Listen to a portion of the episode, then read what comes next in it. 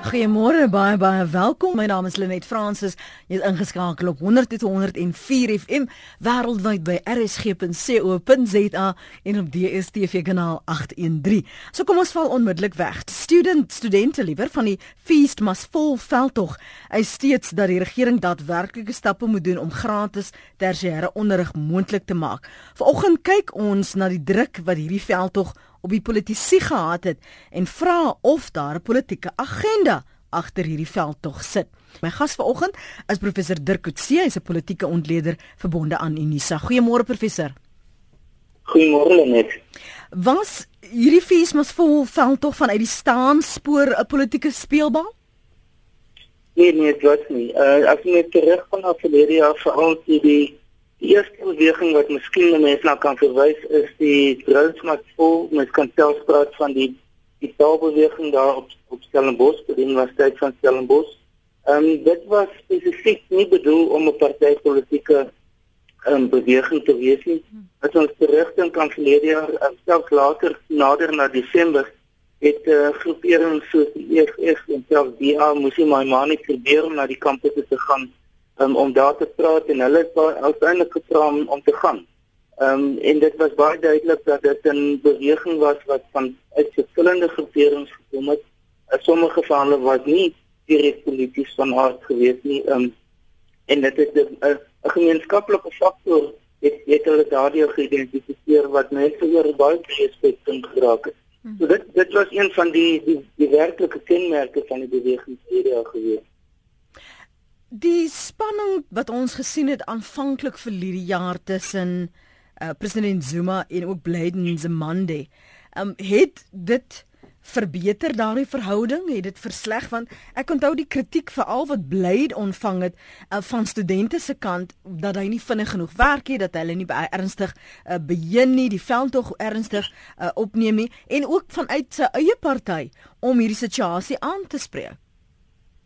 Ja, die die situasie is uh, aanvanklik het dit gelyk dat dit 'n probleem was wat selfs oor die ministerie van uh, hoër opvoeding gegaan het, maar baie kort daarna veral toe die, verskillende jeugbewegings die Pasko wat aan die ANC se kant en die Young Communist League aan die natuurlike kommunistiese party se kant, die hulle mekaar begin opponeer, veral in KwaZulu-Natal en ook ander plekke, maar veral KwaZulu-Natal um, het dit duidelik geword dat die kritiek van staatskoop op uh, blykende manier as minister ehm um, terwyl hy dieselfde tyd ook die algemene sekretaris van die kommunistiese party is, is baie meer in politieke terme gesien as in terme van sy rol as minister. Um, en dit het die verhouding ook tussen hom en president Zuma tot 'n groot mate verswak. Hmm. Ehm um, as gevolg ook van die verhouding die verswakkende verhouding tussen die kommunistiese party en die ANC in die algemeen.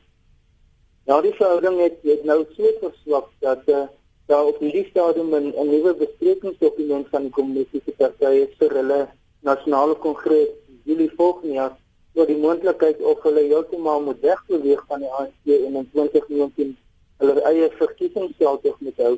En nou sommige van die provinsies ehm um, soos in die Weskaap het hulle eintlik al daardie besluit geneem. Nou dit word dan outomaties deel van die die die uh, man die karakter of eienskappe hmm. of personifikasie eintlik.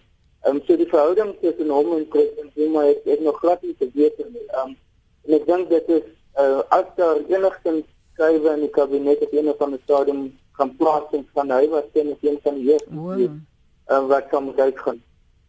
Aanvanklik was die president ook ba baie ek sal nie sê op hy was meer op die agtergrond ja. Hy het wel die die fooie beraad toegespreek maar daar was nooit werklik daadwerklike leiding ten opsigte van waarheen gaan ons en daar was 'n ondersoeke kommissie ondersoek aan aan aangewys maar nie veel rigting gegee van wat die volgende stappe gaan wees nie. Kan kan hierdie veld tog soos verblyd vir hom ook poetjie Ja, dit dit dit kan want die die die, die groot probleem ek dink van die beide universiteite se rigting sowel as die regerings en dit is nie een van die twee is werklik duidelik of seker wie die leidende rol moet speel nie. Mm um, in sommige situasies sê so wat verlede jaar um, aan die einde in Desember verlede jaar as die finale besluit geneem is is dat daar geen verhoging van uh, registrasiegelde sal wees nie, is dit deur die regering uiteindelik geneem en dit outomaties van toepassing gemaak op al die universiteite. Vir jare nou met die besluit van die minister, Leighton de Mande het gesê die die verhoging kan enigiets weer tot 'n maksimum van 8%. Sy het dit nou teruggeneem na die universiteite toe en dan word die die autonomie van universiteite en al universiteitsgrade word dan weer baie prominent. Hmm. Maar as gevolg van hierdie beweeg tussen die twee die hele tyd in is dit onduidelik van wie werklik die, die leiding moet neem. En ek dink die meeste mense in Suid-Afrika sou wou gesien het dat President Zuma uiteindelik as gevolg van die feit dat dit so 'n groot nasionale uh uh kenmerk geword het van die Suid-Afrikaanse samelewing en die politiek in die algemeen en dat President Zuma uiteindelik die leiding moet neem, maar um, hy het op baie baie prominent op die agtergrond gebly um, en eintlik die probleme in die van Blyton se man die gelos en dan natuurlik in die hande van die rektore van die universiteite. En, en ek dink dit dit is die sukses is as gevolg daarvan het daar groot onduidelikheid gewees oor wie neem eintlik besluite in hierdie situasie. Daar was sprake professor dat dat 'n derde party die edele uh, gedagtes, die edele betoë van die studente gekaap het. Hoeveel waarheid steek daarin? Ja, daar da was duidelik pogings van verskillende politieke groeperings om dit te doen. Want ons weer terug na verlede jaar toe die die uh die die die uh kiesmas voorbeweging in 'n sekere sin uitgebrei is op na ook om die sogenaamde insourcing dat uh maatskappye of werkers by universiteite wat vir ander maatskappye op kontrak werk dat hulle deel van die universiteit personeel moet word Ehm um, daar was groeperings by betrokke soos byvoorbeeld die workers and social staat die wat baie hard probeer het om die maksimum daar te kry vir hulle. Ehm um, meer in hierdie jaar uh, het ons gesien dat die EFF baie prominent geword het by sommige uh, kampus en maar weer eens dit is nie as gevolg van die feit dat die EFF se een basis verskil van provinsie tot provinsie op universiteit of universiteit. Dit het verskillende groeperings prominent geword. Ehm um, in die, in die Weskaap en die Ooskaap byvoorbeeld het ek pasma die studentebeweging van die van die PAC skielik baie meer prominent geword. Um, in die noorde Gauteng, hmm.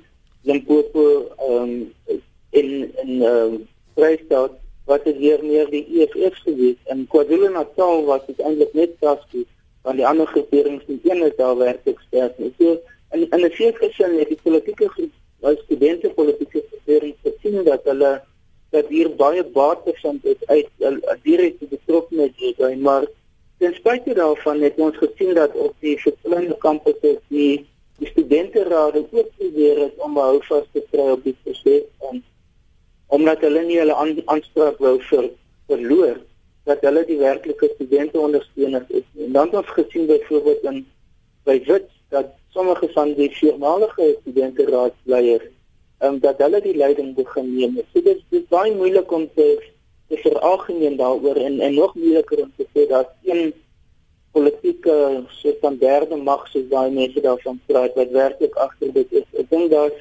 daar's 'n verskeidenheid van politieke groeperings wat probeer om iets hier uit te kry, maar nie een het dit werklik reg gekry tot dusver. Hmm. As jy praat van politieke groeperings, sluit jy um die die uh, oppositie in want ons het ook gehoor die geluide wat oppositiepartye gemaak het.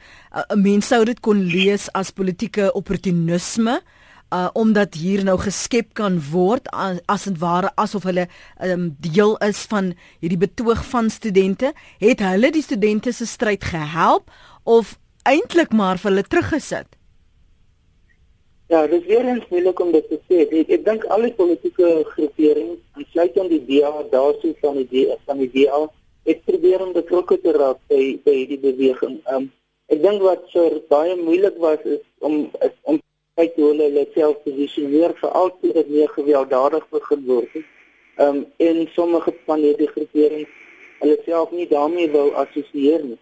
Ek dink een van die interessantste ontwikkelings wat plaasgevind het in die studentebeweging. Is dat daar 'n baie intense maar gekompliseerde debat begin ontwikkel het van persone wat byvoorbeeld verlede jaar ten volle deel was van die beweging, maar wat begin vra vra daaroor. Dit is 'n baie goeie voorbeeld daarvan. uh, wat sommige van die prominente lede van verlede jaar glad nie 'n prominente rol vir jaar gespeel het nie. Um omdat hulle begin sien dat hulle het in 'n groot mate dit die doel bereik wat hulle wat hulle in gedagte gehad het verlede jaar reeds. Um en dat vir jaar se strategie kontraproduktief was. So dit dit is een aspek daarvan, maar dit is nie noodwendig via die politieke groeperings wat dit plaasgevind het nie. Um dit was meer binne die die beweging van verlede jaar wat probeer het om nog steeds beheer te hou oor die bewegings in hierdie jaar. Hmm. En hierdie jaar byvoorbeeld het die, die insourcing op baie minder prominente rol gespeel as verlede jaar en het die die uh, die finansiële situasie van die studente op sigself eintlik die werklike kern daarvan is. 'n uh, uh, ander aspek wat wat ook meer begin prominent word is sogenaamde dekolonisering van universiteite, um, die dekolonisering van van kurrikulum, van leerplanne, um, en van die samestelling van universiteite. Dit het meer prominent geword en 'n 'n meer 'n uh, soort van 'n filosofiese debat begin um, op die kampusse. Maar weer eens is dit nie een politieke groepering wat so van die die eienaarskap daarvan kan op aanspraak maak nie. Hoewel 'n beweging soos die EFF 'n groot rol daarin speel. Ehm um, uiteindelik dink ek gaan die is, is die dit wat ons aan die einde gesien het van die van die proses en baie onlangs nog waar uh, universiteite net gesluit het omdat dit die situasie so on, uh, onstabiel geword het die sekuriteitssituasie die op in, in sommige mm. gevalle hande uitgeroep. Dit het begin kontraproduktief word vir die, die, die studente beweging. En ek dink die publiek in die algemeen het baie simpatie begin verloor. En dit ons gesien die verskillende hofsaake wat begin plaasvind. Uh, waar studente gearresteer is.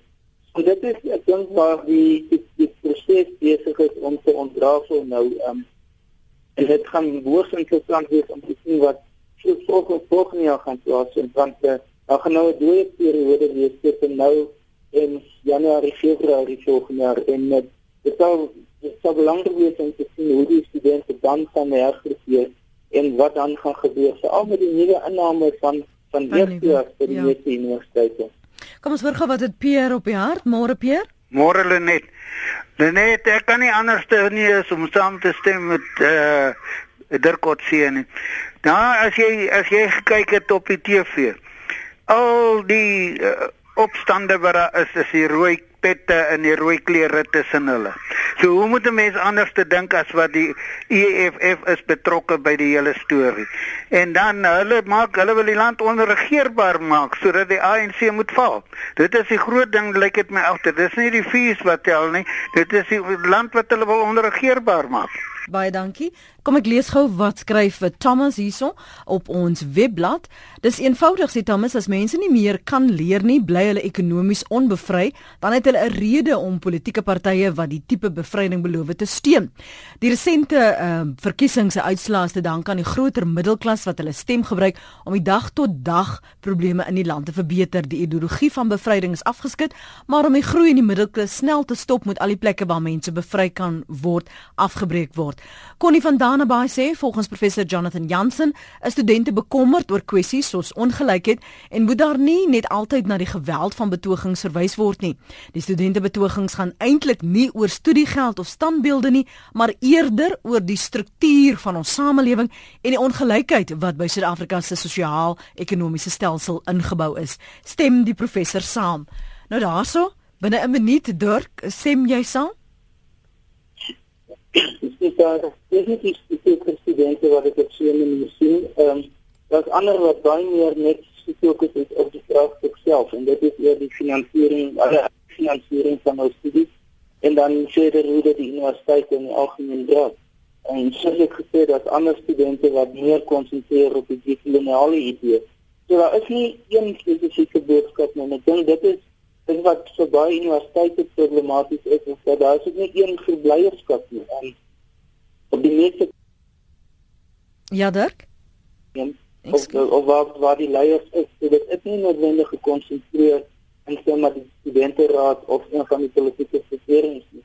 Um, en dit is dus baie moeilik om daarop te kan reageer wat hulle werklike eise is, boonbehalwe natuurlik nou net die, die registrasiegelde Ehm um, daar is ek dink wat ons nie noodwendig het nie is die gebeure van 1968 die studente opstande in baie dele van die mm, wêreld. Mm. Ons het nie in uh, dit is nie 'n opstand wat in die eerste instansie op die sê maar die ekonomiese stelsel van Suid-Afrika of die ekonomiese omstandighede as uh, in die politieke stelsel hier is um, die opstand byvoorbeeld teen politieke elite of teen die politieke establishment.